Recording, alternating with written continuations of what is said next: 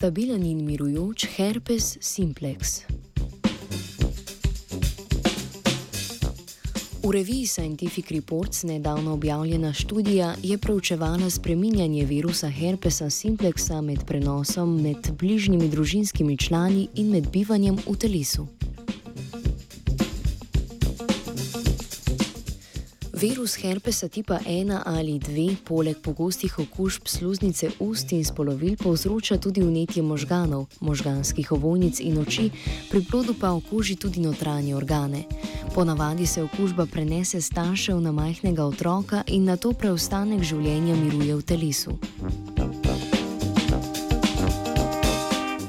Zadnja študija odkriva, da v telesu ne miruje zgolj virus, temveč tudi njegov genom. Raziskovalce in raziskovalke je zanimalo, ali se med prenosom z očeta na sina in v nadaljnih desetletjih trajne okužbe virus genetsko spreminja in tako prilagaja na človeški organizem. To bi mu namreč omogočilo skrivanje pred imunskim sistemom, ki na nenehno izvaja pritisk, a se virus vsakič, ko ga imunski sistem prepozna, pretvori v neprepoznavnega. Thank you.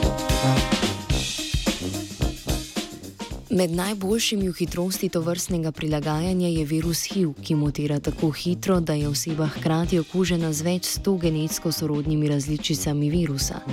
Različico, ki v nekem trenutku predstavlja večino virusne populacije, lahko v pritisku imunskega sistema ali protivirusnih zdravil že v nekaj dneh popolnoma nadomesti druga.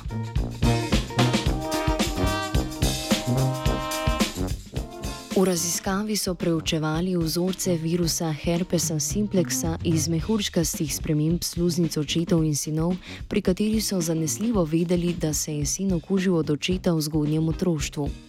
To je pomenilo, da so vzorce preučevali 43 oziroma 17 let po prvotni okužbi. Vzorca parov očetov in sinov so primerjali z analizo zaporedja nukleotidov in z vnosom virusa v tesno žival, pri čemer so opazovali nastale vzbrsti na sluznicah in unetja možganov živali.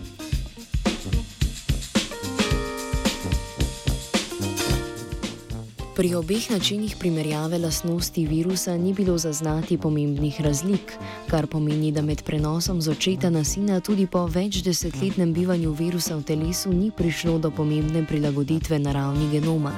Ob tem je znano, da ima virus dinamične in na različnih geografskih področjih značilne genetske lastnosti. Zato bodo prihodnje študije načrtovali na širšem sorodstvu in ugotavljali, pod kakšnimi pogoji prihaja do prilagoditev virusa na nov, drugačen imunski sistem gostitelja.